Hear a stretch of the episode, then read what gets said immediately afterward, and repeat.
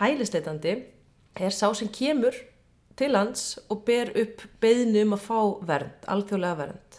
Hann hefur að eigin mati orði fyrir ofsóknum og hann óskar eftir því að annað þjóðríki bara grípi til þess að vernda hann og leifa honum að vera um kjört. Það er það sem þetta þýðir.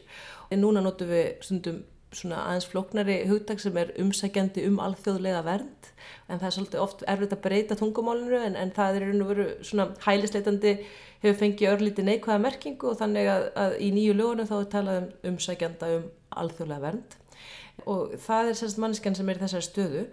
Og síðan ef hún fær þessa vernd en til þess að fá hana þarf hún að uppfylla mjög ströng skilirði til þess að geta fallið undir skilgreininguna á að vera flóttamöður lögfræðilega þá þarf maður að falla undir það sem er skilgreind í flóttamanna sáttmálunum sem saminu þjóðarna gerðu og hefur verið innlegt í íslensku lög. Og það er að segja, þú ert að flýja ofsóknir og þessar ofsóknir grundvallast á einhverju sem er við þína personu sem þú getur ekki breytt. Þú ert að flýja einhvað sem er til dæmis trúarbröð, þú ofsóttur út á trúarbröð þú ert ofsóttur út af því að þú ert samkynneður þú ert ofsóttur út af því að þú hefur stjórnmálaskoðanir sem að yfirvöld fyrirlita og, og vilja náður vegna þærra þetta eru svona þessi grunn mannrættinda stef um að hver manniski að fá að vera eins og hún er og ef hún sætir ofsótnum og grundvelli þess hver hún er þá á hún almennt rétt á vand svo er það kvótaflótumenn til að gera þetta aðeins flótnara og það er í raun og veru einfalt að, að muna hvað það er, vegna þess að það er í raun og veru þeir sem eru sóttir sérstaklega af okkur, við ákveðum ok, á þessu árætlu við að sérstaklega ná í kannski hundra manns og veita þeim skjól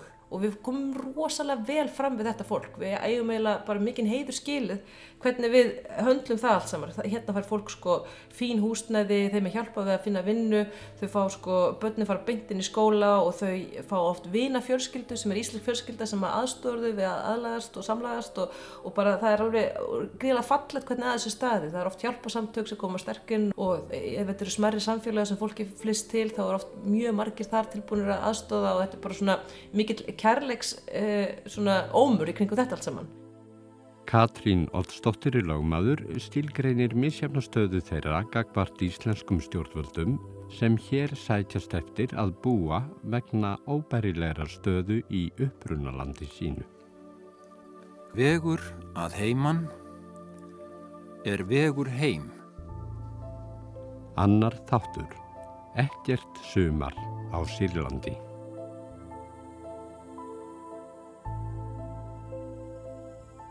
Í þessum þætti, sem á þeim næsta, höldum við til á Akureyri og forvittnustum hvernig tekist var á við þá ákverðun að taka móti nokkrum stríðshrjáðum fjölskyldum frá Sýrilandi og veita þeim stjól.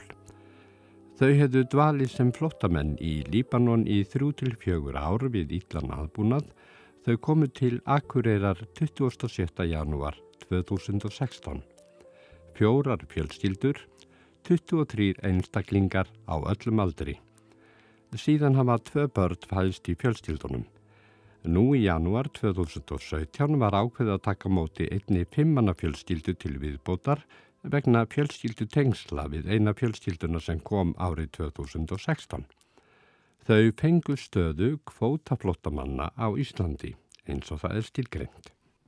Akrabær hafi tekið á móti hópi flótamanna árið 2003 frá fyrrum liðöldum Júkoslavíu og það hafði svo verið til umræðu oftar en einsunni á bænum hvort að hann væri til aftur og hvernig hann vildi snúa sér í þessu. Og í, bæði í svona pólitískri stefnumótun, bæði þegar vorum að ræða stað Daskó 21 og eins þegar vorum að ræða stefnu bæjarins í erlendu samskiptum þá kom það fram að við ættum eftir að setja okkur eitthvað stefni þessu. Vilju við taka móti flottafólki Þannig að við erum búin að, að samþykja það, bæinrein og bæjastöndin er búin að samþykja það skriflega, að hann vilji gera það svona öðru hvoru.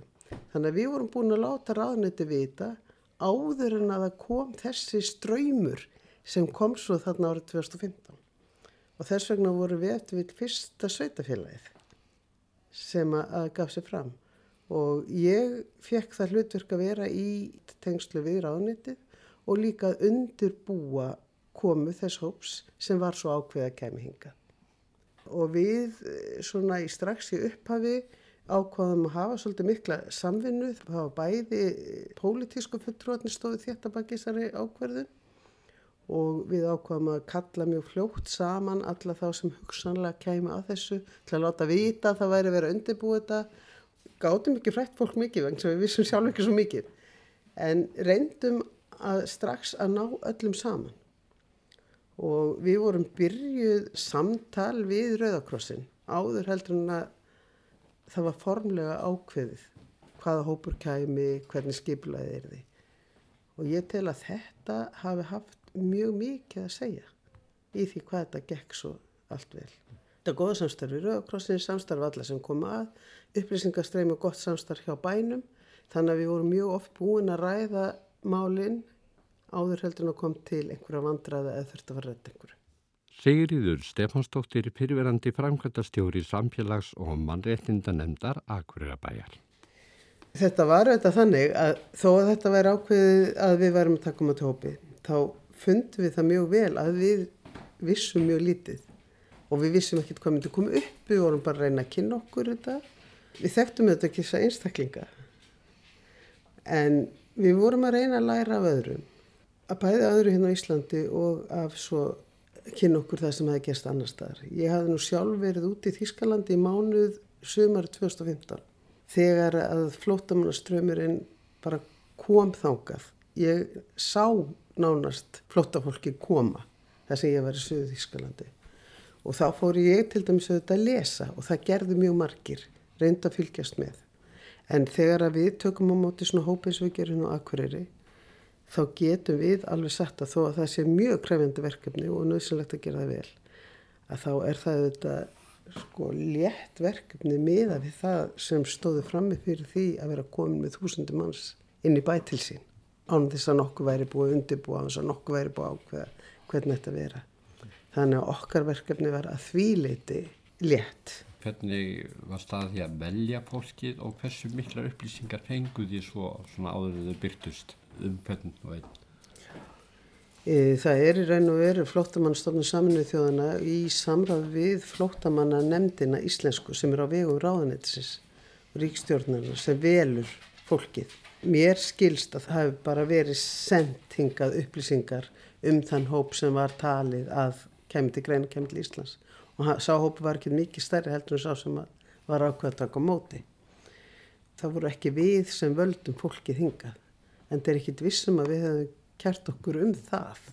Og við fengum sem mjög mikið trúnaðamál lista yfir fólkið og hvaðan það kom, hver þeirra saga var síðustu árin, kom öll frá Líbanon, búin að vera þær í 2-3 ár og svona að hluta til hvað þau gengi gegnum. En við fengum þetta sem mjög mikið trúnaðamál þannig að við máttum ekki vera að, sagt, að, að segja frá því nákvæmlega hvernig þetta fólk var. Og það er svona umhugsunar efni aðeins hvernig er hægt að undirbúa fólk sem sagt sem á að taka móti nefndum í skóla stunisfjölskyldunar ef það er svona mikið leindi yfir þessu. En maður skilur auðvitað líka að við verðum að venda bara persónulega hagsmunni fólks og þeirra engalif En hvað fenguð sílensku fjölskyldurnar að vita hjá fulltrúum flottamannahjálpar saminuðu þjóðana um nýja heimalandi sitt?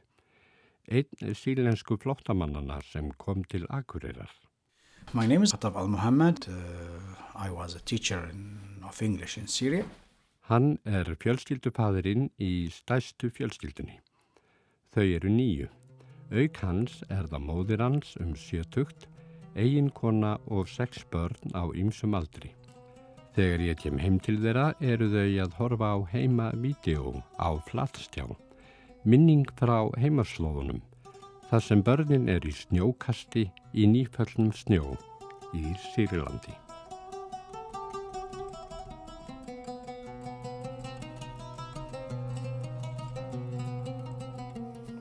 When the they told us in the UNHCR that, that we are um, chosen to be relocated in, in, in Iceland. Þegar okkur var sagt að við hefum verið valin til að hljóta hæli á Íslandi vorum við afar ánæg vegna barnana. Þau fengið þá að minnstakosti skólagöngu því þau voru búin að vera í Líbanon í þrjú ár án þess að vera í skóla. Og ég myndi fá atvinnu og við hefðum þá allavega möguleika á að lifa einhvers konar venjulegu lífi. Starfsmæður saminuðu þjóðuna í Beirut var afar slungin þegar hún tilkynnti okkur að við hefðum verið valin til þess að flytja til Íslands. Hva, hvar er Ísland? spurði ég. Þá saði hún, veistu hvar Danmörk er? Já, já, þá saði hún, það er rétt hjá Danmörku og að þessu leiti var hún slungin. Þi, þið munu fá þar afar falleg sumur, sumrin verða mjög hlý en hún myndist aldrei á vetuna. við uppgötuðum ekki hinn eina sanna raunveruleika fyrir en við komum hingað. Við höfðum snjó í Sýrlandi en ekki nærri svona mikinn og hann er ekki svona langvarandi. Það var líka ákveðið áfallað uppgötta síðan þessa, þessa löngu dimmu vetrartíð og síðan þessi albjörtu sumur en við höfum þó ekki séð eftir því að koma. Þetta hefði kortið er ekki haft negin úrslita áhrif á ákvörðun okkar. Við, við vorum fyrst og fremst að hugsa um, um börnin okkar og að þau ættu framtíð sem gæti orðið þeim góð. Eins og ég sagði áður, skóla fyrir börnin og atvinnu fyrir mig því að við, við erum ekki vön að þurfa að þykja hjálp eða ölmusu frá öðrum. Við, við höfum alltaf unnið fyrir okkur. Þannig er hugsunagangurinn í Sýrlandi. Við, við vinnum sjálf fyrir okkar eigin nauðþurftum en við neittumst til að þykja aðstóð frá ofinberum aðilum meðan við byðum og byðum í, í Líbanon í þessi þrjú löngu ár. Það var afar naumt skemtað en, en nægði þó til að draga fram lífið. Við áttum engra kosta völ.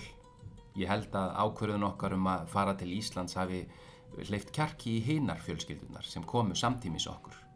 Þegar við mættum á fyrsta kynningarfundin var allt fólkið óörugt og, og rætt við þessa stóru ákverðun um að flytja frá Líbanon til Íslands.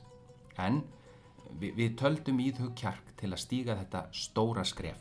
Já, gerum þetta. Förum til þessa ókunna lands þó ekki væri nema fyrir framtíð barnana okkar. En við, við vorum alls óundirbúin fyrir þetta ókunna tungumál. Því okkur var ekki sagt að hér væri sérstök þjóðtunga, ekki enska. Ég, ég spurði, talaðu ensku? Og var svarað, já, það tala allir ensku. Þá hugsaði ég, ok. En uppgötaði svo að það er töluð sérstök þjóðtunga hér. Til að búa hér og eiga samskipti á eðlilegan hátt við fólk hér þarf að læra tungumálið og það eru við að gera en fyrir mig sjálfan gengur það afar hægt.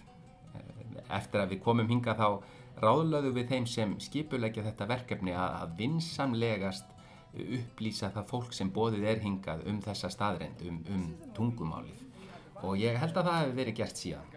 Allavega hún Linda Rós sem hefur leitt þetta verkefni ég held að hún hafi farið sjálf til Beirútar til að sjá til þess að fólk fái réttar upplýsingar. Uh, the lady Linda Rose, I don't know, she's working for this program. Uh, she herself went to, to, to Beirut to tell the people the truth about this.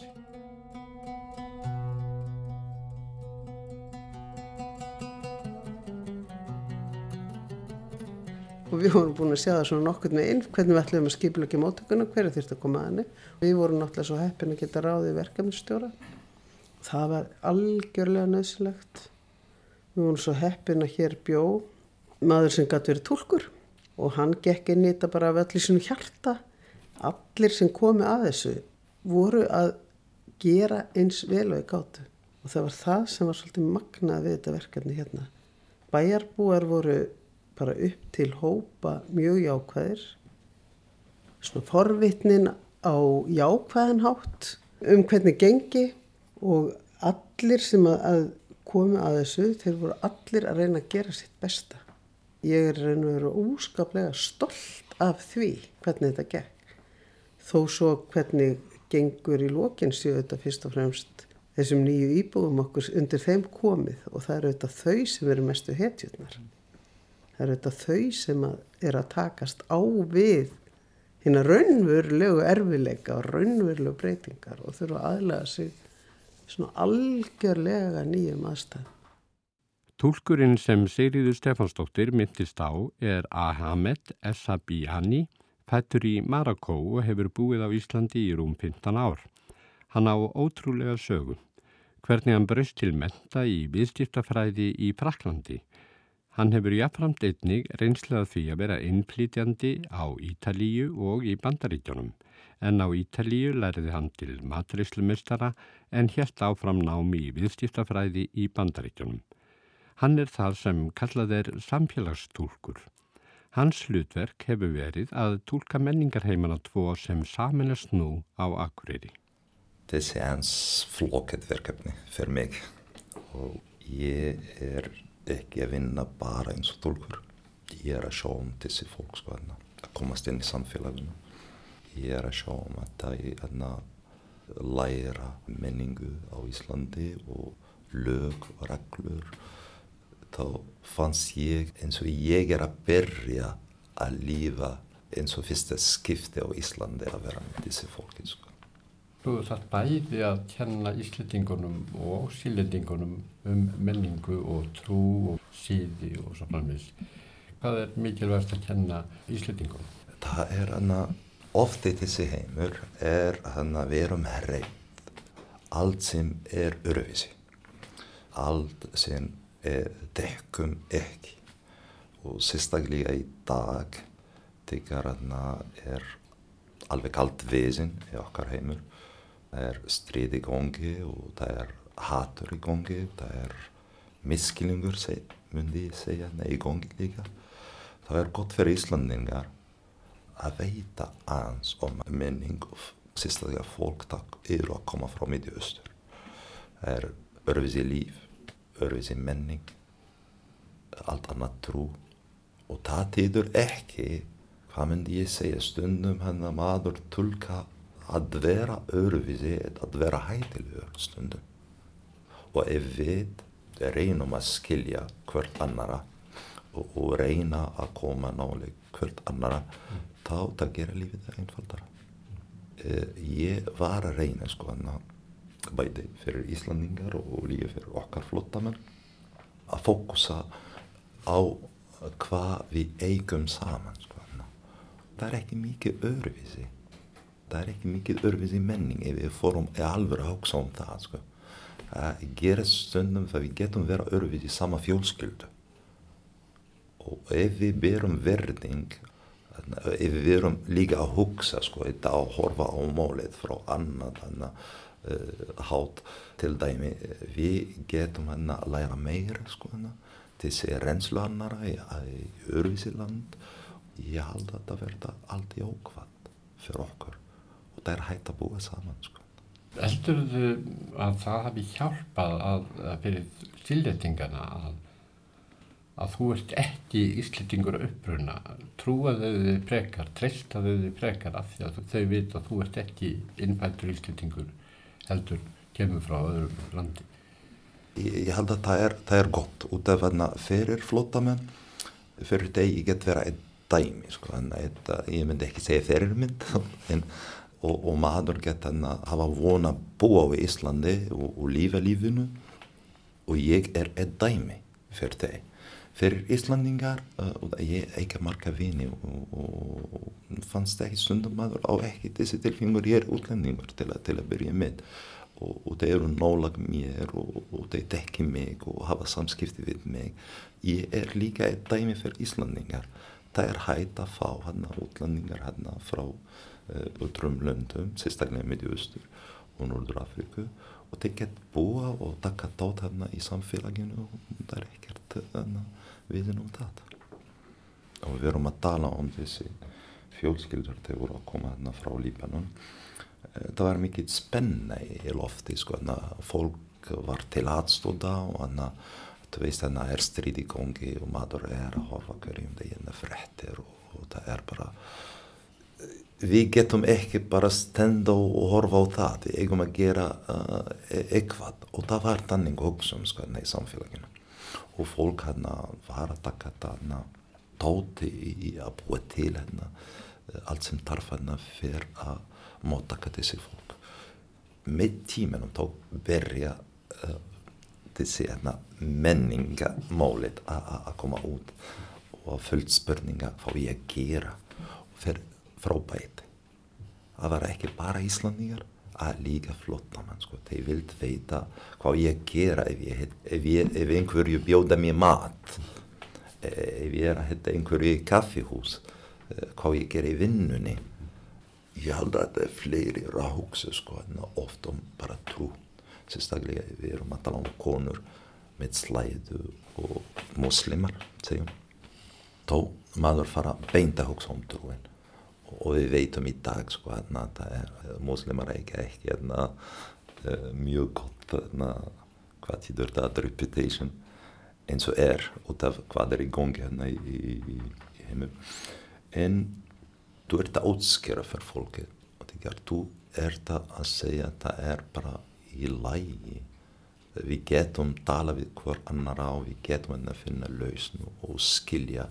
Það er ekkert mál getum búið saman það var ekki eins og er í gangi í Európu hérna í samfélaginu, ég veit ekki mikið om Reykjavík það eru margir og, og, og svo leiðis en hér Akureyri var ekkert vesinn í alvöru það var bara gott og samfélaginu var að taka dótana hjálpa og, og vild henni veita meira um fólkið Hvað fannst þér sjálfum þegar þú komst til Íslands? Hvað fannst þér skrítnast á Íslandi?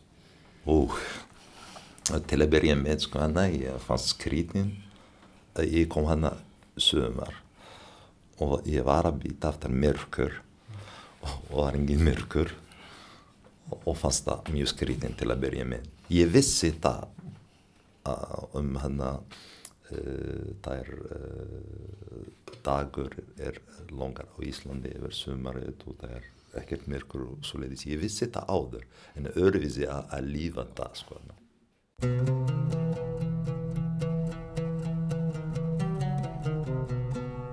Ahamed Essabiani, menningatúlkur, talaði um frábröðin lífstíl. Það sem þurfti að hugsa um áður en flóttamenninni komu var að útbúa heimilhanda þeim. Og þá komu einmitt upp spurningar um hvað væri við hæfi að hafa á heimilunum til að mæta þeim lífstíl sem sillítingunum var tamur. Til þess að forvittnast um það eigu við stefnumótu við tvo stafsmenn Rauðakrossins á Akureyri sem koma að því að búa silletingunum heimili á samt stuðningsfjölstildum þeirra. Ég heiti Yngibjörg Eirín Haldurstóttir og ég er verkefnastjóri Rauðakrossins á Norðurlandi og starfaði sem verkefnastjóri móttöku flótamanna. Ég heiti Guðni Bergvinsdóttir. Ég starfa hér með Rauðakrossinu móttöku flótamanna.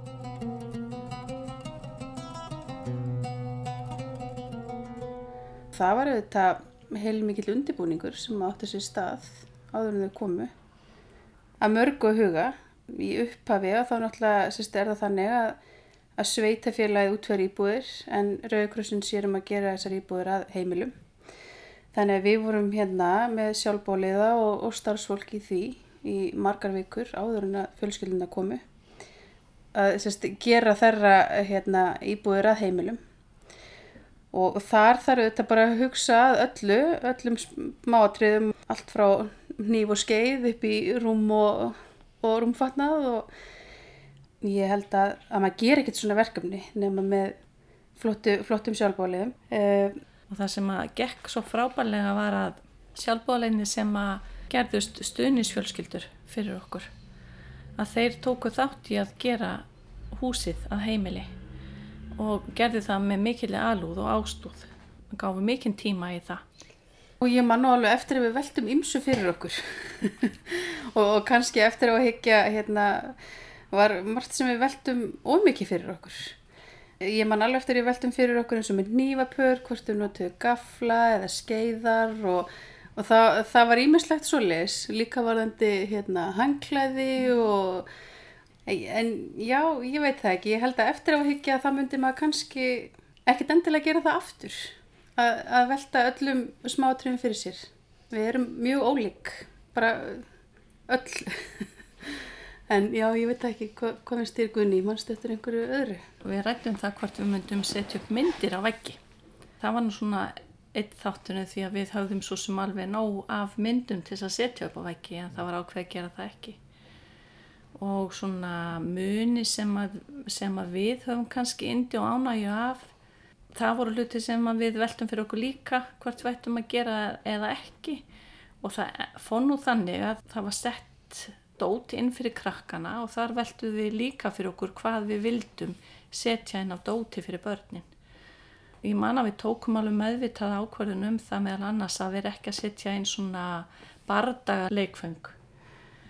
Það var svona eitt hlutin en við vorum svo lánsum að við vorum með stóra skemmu sem að sapnaðist í húsgögn og allt sem að tilherði heimilinu eða heimilónum sem við þurftum að gera.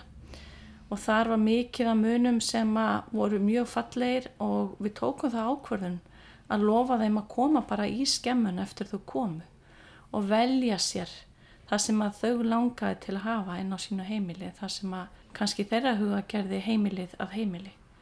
Það lukkaðist bara, eða tókst mjög vel og svona ánægja með það. En ég man eftir íbú sem við vorum að útbúa núna í januar á þessu ári að þá var mér og Ingeborgu hugsað til þess að við þurftum að hafa móttu í stofunni og svo mótta var ekki til akkurat í því augnabliki þegar það var verið að ganga frá en þetta var eitt af því fyrsta sem að þau óskuð eftir þegar að þau komu svo hinga til okkar í Rauðakrossin hvort þau ættu móttu til þess að væri eftir að setja í stofuna þannig að við svona lærum kannski líka öllítið á því bara hvernig var það á síðast ári og hvað síndi sig að þau vildu hafa og svo að kemur þannig nýfjölskylda sem er með svipaðar þarfir og þau sem komum fyrir. Þetta er sagt mér frá andartækjunum þegar þið hittu þið fyrst. Já, ég man allavega það að við vorum búin að veltaði mjög mikið fyrir okkur hvernig við ættum að helsa, hvort við ættum að taka í hendina þeim, hvort þau myndi vilja taka í hendina okkur. Uh, þessar hérna vangaveltur voru mjög fljóttar að, að verða einhvern veginn að yngu að því að þau komi hérna og, og bara sumi knúsu okkur og kist okkur á kinnina og það var allur gangur á þetta hérna, ég held allavega eins og fyrir mig að þetta var svona moment, svona já, einmitt og það kemur aðeins inn á sem ég var að tala um á þann að við, við eittum rosalega miklum tíma í undibúning sem tengist kannski menningamun en þarna eiginlega var svona, allavega fyrir mig það var svona moment bara svona hvað hvað er ég búin að vera að velta þessu svona mikið fyrir mér sko þetta er bara hérna fólk eins og ég og þú og þetta var svona æsbreykar svolítið. það sem að mér fannst líka á þessu mómenti að þau komu óbúslega þreytt en þau komu líka óbúslega glöð. Það var líka mjög gott að sjá að þau voru mjög hamingisum að koma hérna. Það er allavega svona mín minning. Við vorum búin að velta svo mikið fyrir okkur með sjálfbóðleginum okkar og með fjölskyldunum sem ætluð að vera og eru þeirra stuðningsaðilar hér. Þessi þungi þáttur hvernig eigum við að heilsa, eigum við að leggja hægri hönda á hjartastað og neyja okkur aðeins eða eigum við að taka höndin á þeim og svo var bara ákveð við skulum láta þau eiga bara fyrra skrefið og svo bara gerum við eins og þau gera og strax inn á flugvelli þegar við fórum þangað nokkur með teppi og þar var barn í hópnu sem var að tala um að væri vikt þannig að við fórum og lítum á það líka að þar kemur þetta þetta sem að við heldum að væri svo ríkt í þeim að taka ekki í hönd á að þar var það bara úr sögunni. Þó svo sem að mér slíka svolítið merkilegt að því maður lærir svo mikið á þessum tíma. Að það kemur í ljós mörgum mánu um setna að kallmaður í einni fjölskyldunni hann vill síður taka í höndina á hvern fólkinu og þó hann hafi gert það allan hennan tíma fram að því það líður hann eiginlega sko hálft ár. Þannig að við fáum ábendingum að þarna er ákveðin hlutur sem að honum þykir óþægilegur en hann samt gerir þetta. En þá er þau nú samt að læra á samfélagið okkar alveg eins og við erum bara að læra samskiptin okkar. Ég upplifi það að þau eru óhrætt við að leita til Rauðakrossins þegar eitthvað er. Þau vita af okkur hér og þau koma ef eitthvað er. Og um, Facebookin sem ofta er svo mikið umrætt hún reyndist okkur mjög gaglega í þessu verkefni. Og er það í rauninni ennþá því að þar hafa líka myndast hengingar og eru samskipti í gegnum og hérna Þau eru semst á Facebook? Já, þau eru það. Og voru það bara þegar þau koma eiginlega. Þannig að hérna það er í mínum huga er þetta sko mjög eðlileg þróun. Bæði það að þau eru orðin sjálfstæðri sem að mér finnst mjög gott og segir mér að bæði verkefni stjóri hjá, hjá Akureyra bæ hann hefur unni mjög vel. Og tólkurinn sem það er líka hann Ahmed sem er búin að vera algjörlega ómetallegur og svo náttúrulega verði ég að hæla sko stuðninsfjölskyldunum okkar sem að eru margar en þeim hefur líka tekist mjög vel til að byggja þessa brú sem að er út í semfélagið og hefur bæði með börn og fullorna í þessu hópa að gera sko.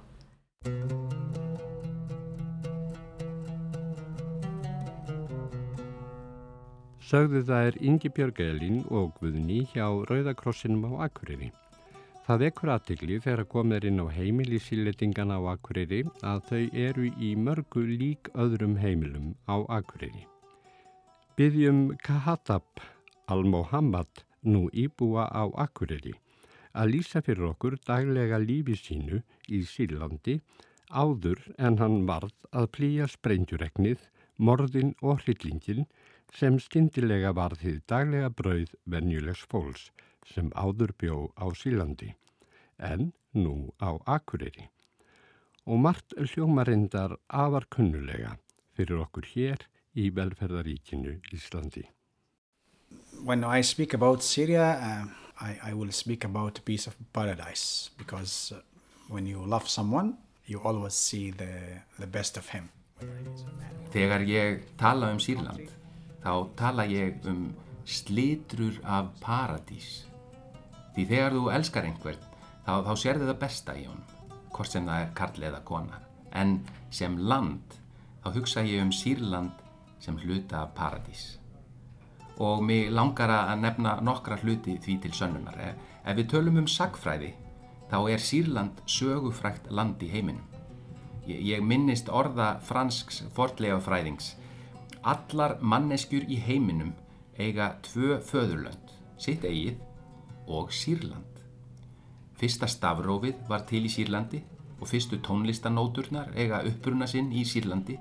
Fyrsta brauðið var bakað í Sýrlandi og, og svo ég vitni til menningarstofnunar saminuðu þjóðana UNESCO sem hafa listað upp tíu eldstu borgir heims, þá eru fjórar af þeim í Sýrlandi.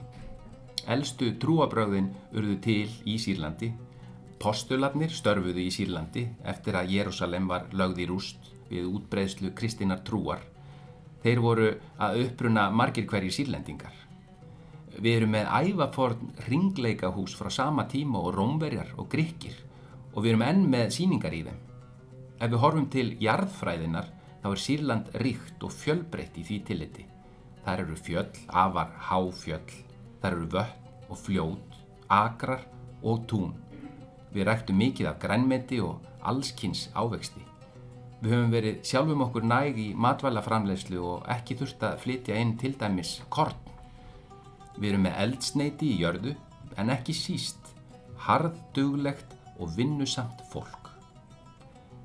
Mentunarstig hefur verið hátt og við höfum útskrifað vel mentað fólk með mikla færni, lækna, verkfræðinga svo eitthvað sé nefnt og hafa getið sér gott orð hvar sem þeir hafa starfað, jafnvel áður en stríðið braust út en að sjálfsögðu þá hefur þeim nú fjölgað sem starfa í öðrum löndum vegna stríðsins og, og allstaðar verið metnir fyrir hæfileika síns.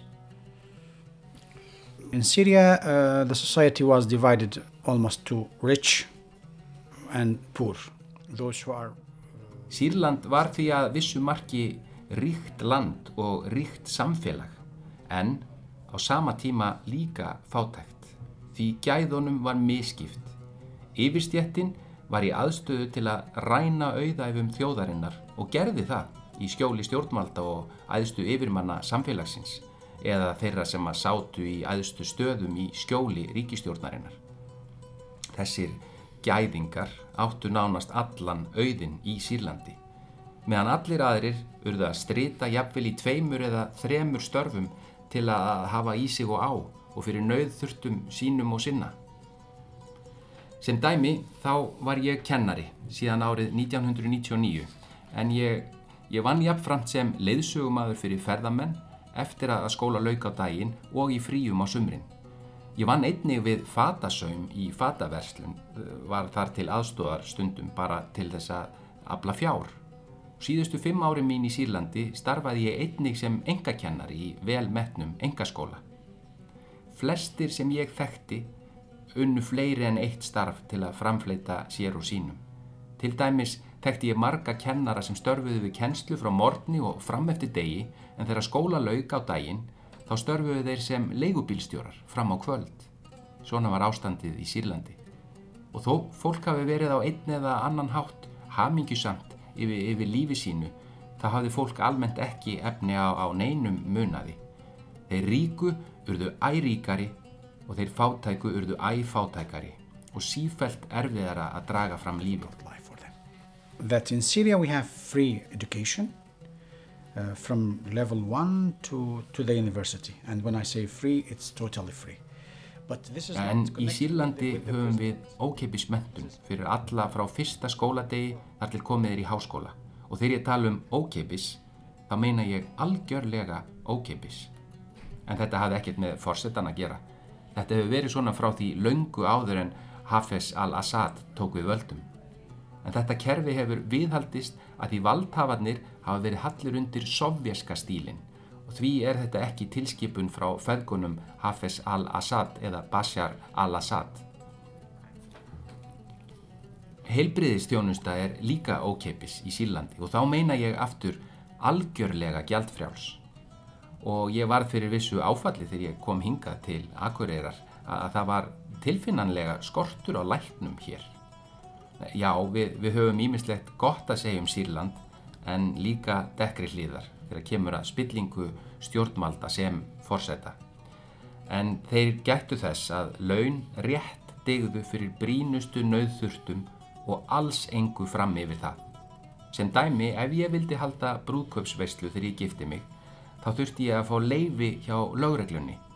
Ef ég vildi ferðast utanlands, þá þurfti ég leifi yfirvalda. Eins og nú sést, í stað þess að hjálpa þjóðinni í hörmungunum sem nú dinja yfir, þá gera yfirvöld sitt besta ásamt hernum að rekja fólk úr landi eða drepa það. Ég trúi ekki á að þetta séu raunveruleg stjórnvöld þjóðarinnar. Maður getur ekki hugsa sér að forsetin fyrirskipi loftskeita árás á húsið manns að því maður stendur í friðsamlegum mótmælum. Það er ekkert jafnræði þar á.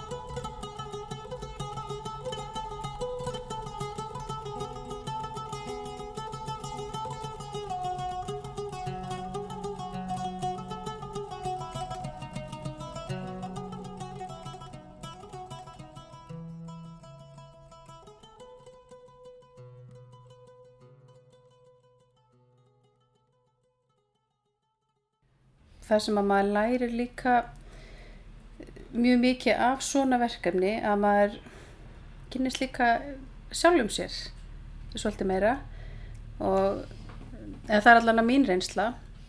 Og það sem að, að, það sem að, hérna, að mér finnst einhvern veginn ég að fara í gegnum heilt ár af einhverjum svona eh, fimm ára námi, ég tekið það á einu ári. Það var ekkert síður mikill skóli fyrir mig sjálfa sem einstakling, sem bara personu og, og það er eitthvað sem ég held að minni alltaf fylgja manni. Það er gríðarlega mikill lærdomur að báða búa. Já, það sem að er mér alltaf ofalega í huga það er þetta með sko, eigum að segja kannski pínu svona tilfinningalæsi á bæði á líðan og eins það að vera ekki sko búin að gera sér ákveðnar hugmyndir um það sem að maður þekkir ekki á eigin beinum en samt sem áður það sem að kemur mér kannski ekki á óvert en það er þetta sammannlega sem er í okkur öllum sko. Sem að við nálgumst á svo mismunandi hátt til dæmis bara eins og uppeldi á börnum. Hvernig förum við að því samband við uppeldi á börnum okkar? Hvað er mín sín á með það hvernig ég er upp barni mitt? Og svo aftur hugsanlega hvernig er barn alið upp í Sílandi þannig að ég er búin að læra heilmikið Sögðu þær Ingebjörg Elín Haldóstóttir og Guðni Bergvinstóttir hjá Rauðakrossinum Akureyri en auk þeirra komu fram í þættinum Katrín Ótstóttir í lögmaður, Sigriður Stefansdóttir, fyrirverandi framkvæmtastjóri samfélags og mannreitinda nefndar Akureyrabæjar, Ahamed El-Sabiani, samfélagstúlkur og Kattab Al-Mohammad, sílenskur flottamaður, nú búsettur á Akureyri. Lesari í þættinum var Gunnar Hansson. Í næsta þætti sem er sá þriði í röðinni af þáttaröðinni vegur að heiman er vegur heim og nefnist Pyrir heitna landið er heima, höldum við áfram ferð okkar makuriri og kynumst fleirum sem hafa komið að þessu verkefni bæði heimamönnum og flottamönnunum sjálfum.